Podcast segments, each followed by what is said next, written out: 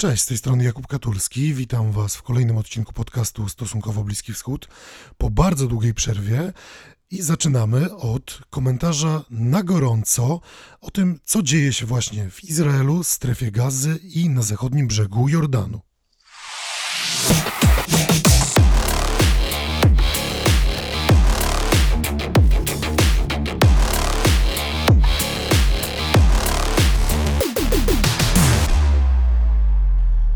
To jest wojna? Takie padło pytanie.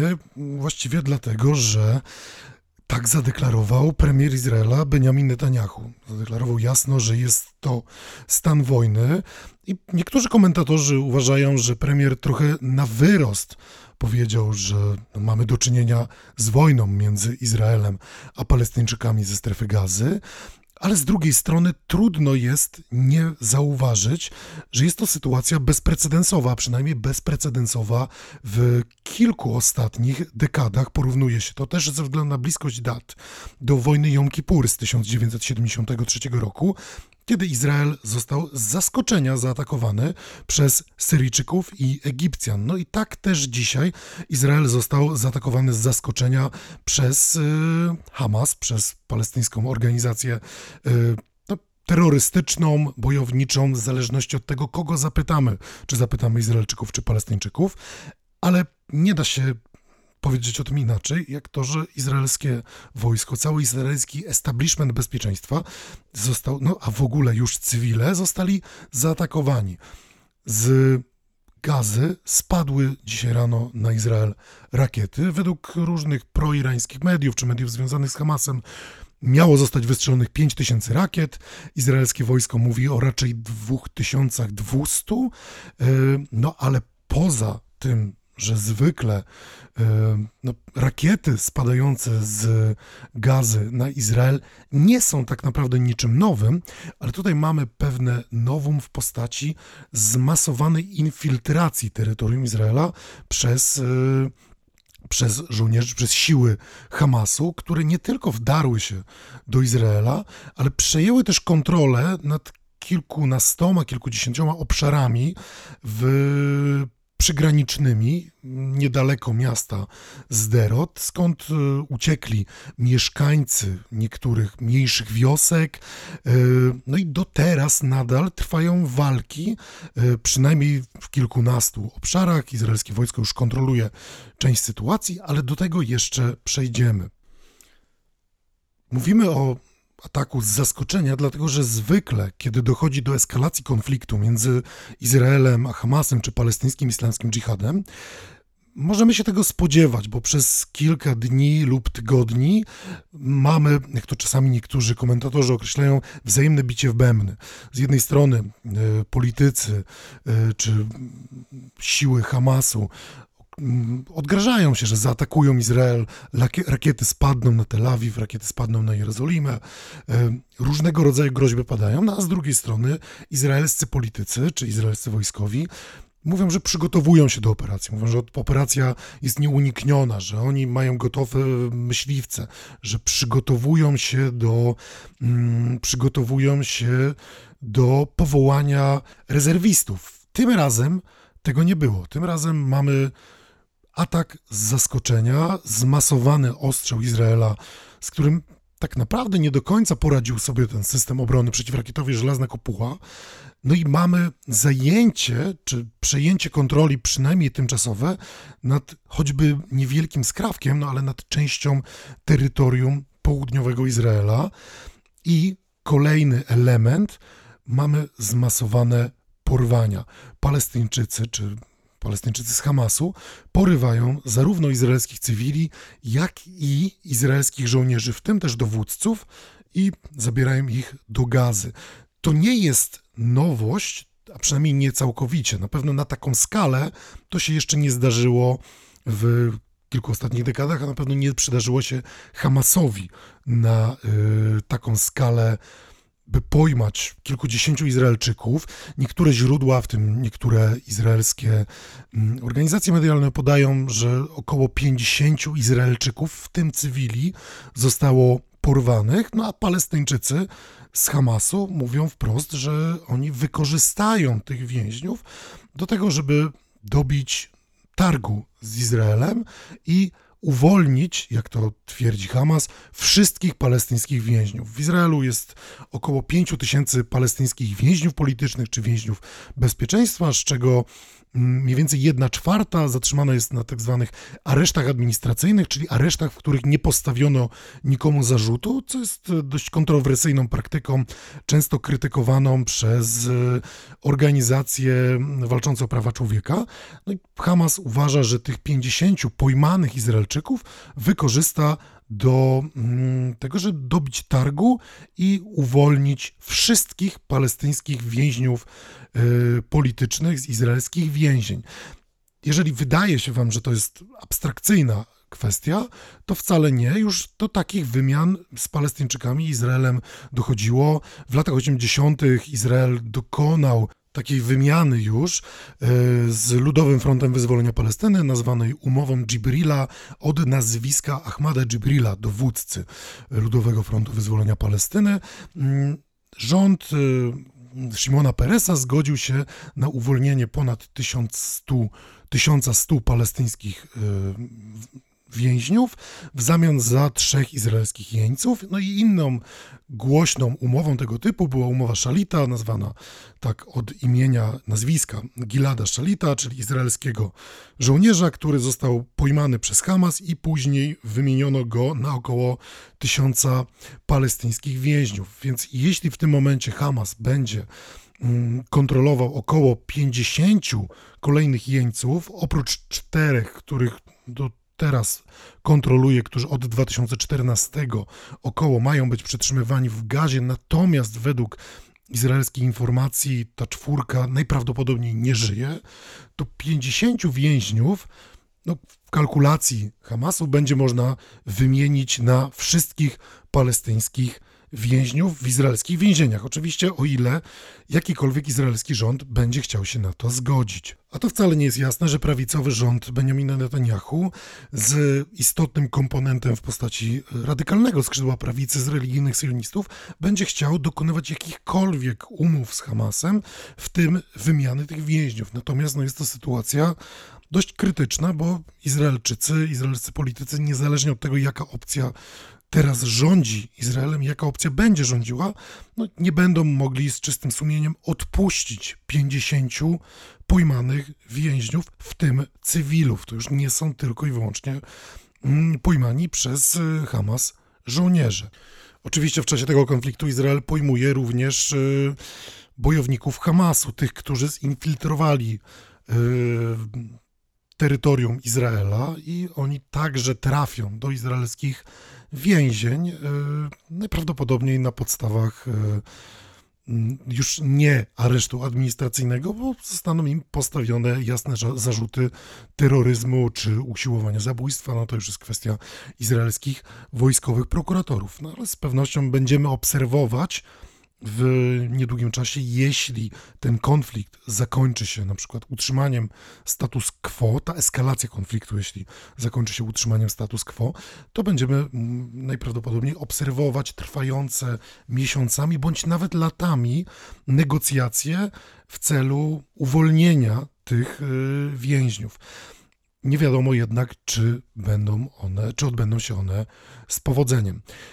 To, co zaskoczyło też liczny komentariat, no i także izraelskich żołnierzy wojskowych, to skala ofiar. No w tym momencie już szacuje się, że około 150 ofiar jest po stronie izraelskiej, w tym w dużej mierze są to cywile, którzy zginęli zarówno od ostrzału rakietowego, jak i mm, od działań bojowników Hamasu, którzy weszli do izraelskich wiosek. Po stronie palestyńskiej liczba ofiar y, według y, Czerwonego Krzyża czy Czerwonego Półksiężyca sięgnęła ponad 200 Mm, sięgnęła ponad 200 y, i głównie wynika to z odpowiedzi y, izraelskiego wojska, które bardzo szybko podniosło y, swoje myśliwce i jeszcze w godzinach wczesno-popołudniowych informowano, że na gazę zrzucono około 16 ton amunicji różnego rodzaju, zarówno są to bomby, jak i pociski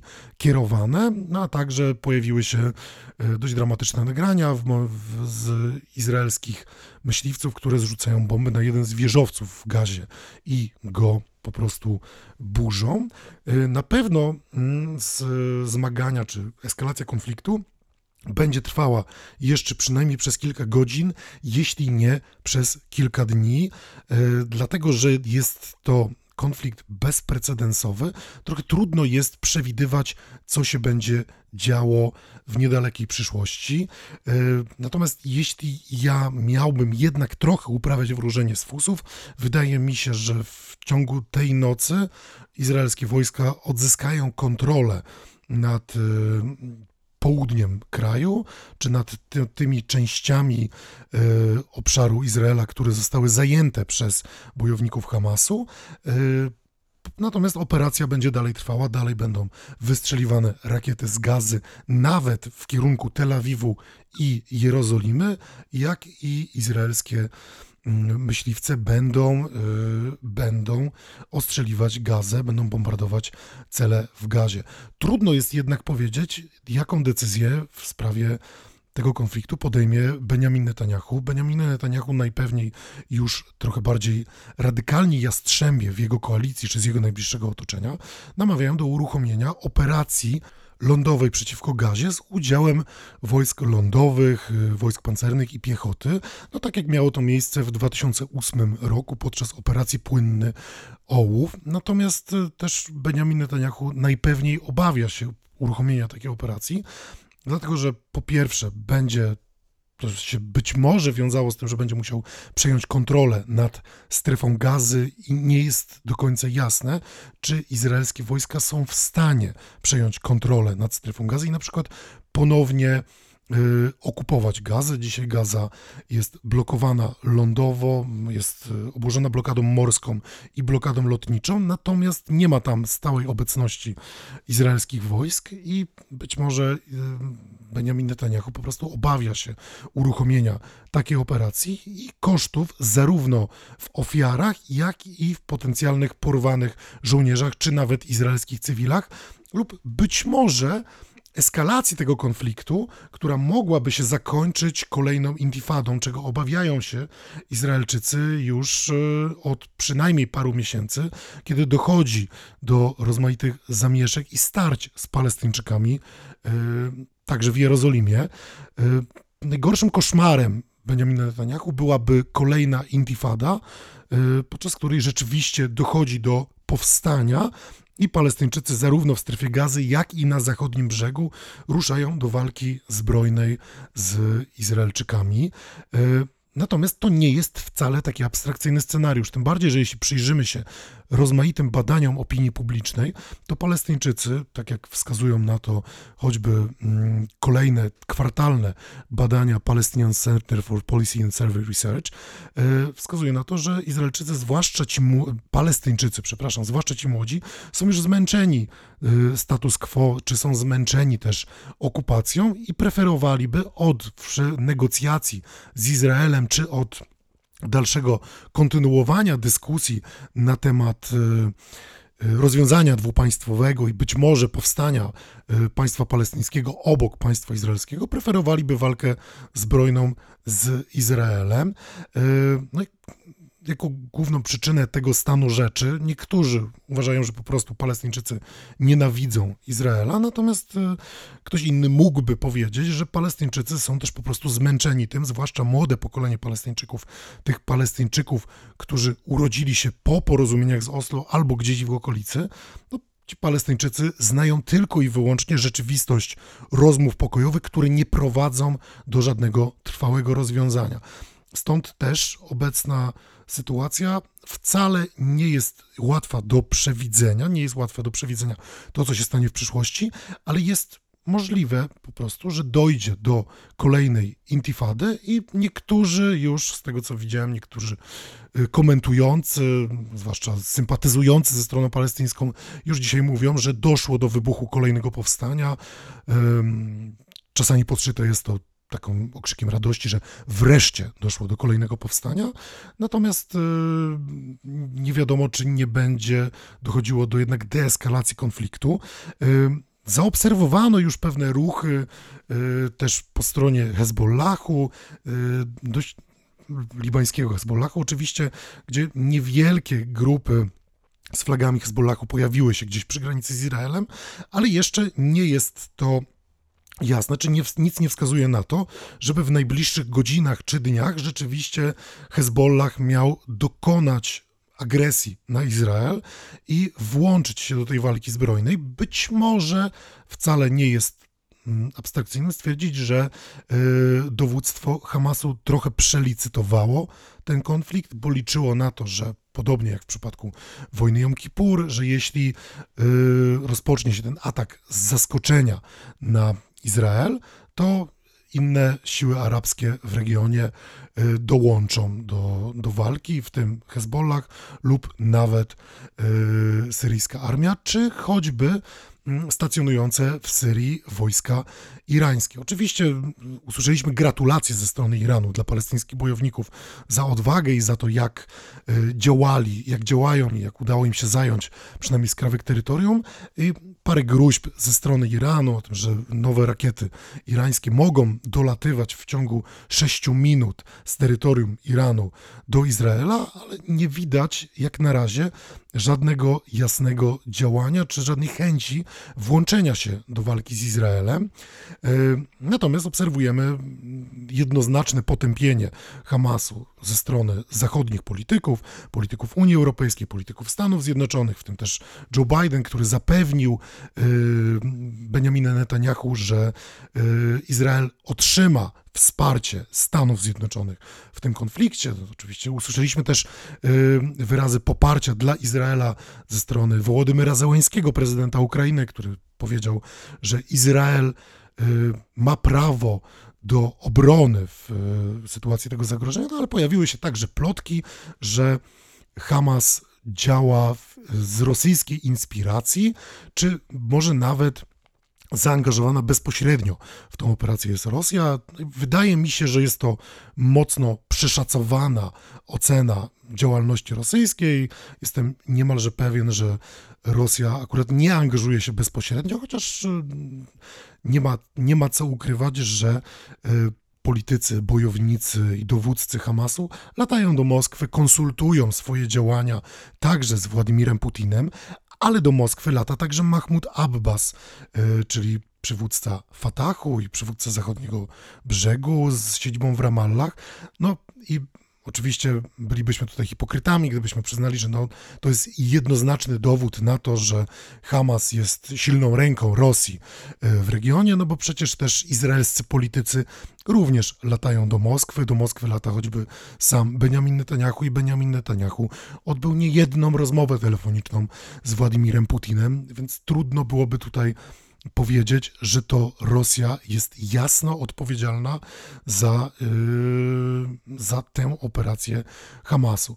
Trudno przewidzieć, co będzie w najbliższej przyszłości. Oczywiście ja postaram się niedługo dostarczyć Wam kolejnych komentarzy, a już teraz zapraszam do tego, że jutro wspólnie z dr Agnieszką Bryc też na antenie tego podcastu yy, no, porozmawiamy z Wami, czy, czy porozmawiamy o tym, dlaczego to jest bezprecedensowa sytuacja i być może jak wpisuje się ona w szersze trendy w regionie, w tym także w głośne niedawno rozmowy, które miałyby doprowadzić do porozumienia izraelsko-saudyjskiego. I czy to oznacza, że porozumienie między Izraelem a Arabią Saudyjską już możemy włożyć między bajki, czy wręcz przyspieszy to proces właśnie tej rekonciliacji z, mm, między Izraelem a y, Królestwem Arabii Saudyjskiej. Do usłyszenia już jutro.